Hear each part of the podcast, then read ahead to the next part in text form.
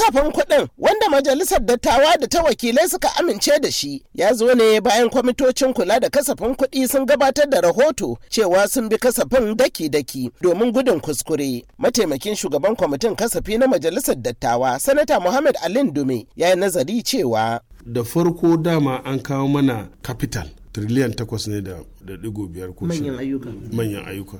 To yanzu mun kai shi ya kusan triliyan goma. Triliyan tara da ɗigo tara da tara da biyar wato kusan dai triliyan goma. kusan triliyan goma.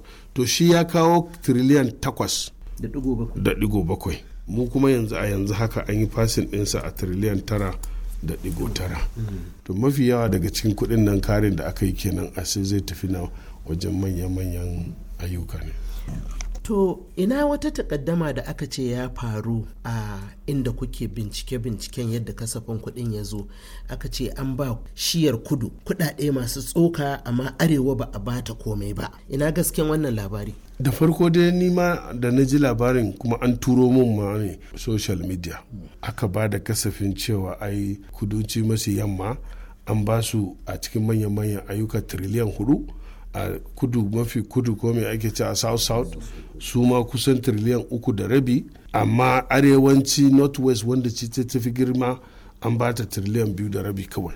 Nan kuma can kasan yamurai aka ba su tiriliyan biyu da ɗigo uku. Mu yan north central an ba su tiriliyan ɗaya da ɗigo tara. Karimi mu da aka rena mana mu north east aka ce an ba mu tiriliyan ɗaya da ɗigo shida. Hankali na tashi amma da na yi lissafi sai na samu cewa wannan in ki jimilan shi gaba ɗaya zai baki tiriliyan goma sha biyar da ɗigo tara.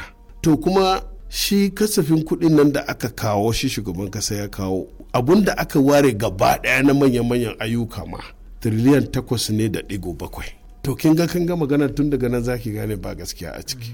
To don abun da shi shugaban kasa ya kawo gaba ɗaya tiriliyan takwas ne da ɗigo bakwai. Na manyan ayyuka. Na manyan ayyuka. Amma muna kan bincike. Ni dai ina tabbatar ma mutane cewa mu yan arewa da muke majalisar dattawa har ma da kai na wakilai ba za mu zauna a nan a cutar da arewa ba A lokacin da yake wa manema labarai bayani, shugaban kwamitin kula da kasafin kuɗi a majalisar wakilai, Abubakar Bichi, ya ba da hujjar ƙarin kuɗin. An samu ƙari daga lissafin da muka duba wanda shugaban ƙasa ya kawo ya ce a duba a ga farashin dala akan naira 750 wanda muka duba kuma kowa ya sani kuma kun sani cewa kowace take kasuwa dala tana naira 1,200 so wannan mun sa mun ƙara naira 50 akan kowace dala zuwa naira 800 ya ba mu dama mun samu naira biliyan 490 kuma hukumomi na gwamnati masu tara kudade irin su npa da su custom mun kira su.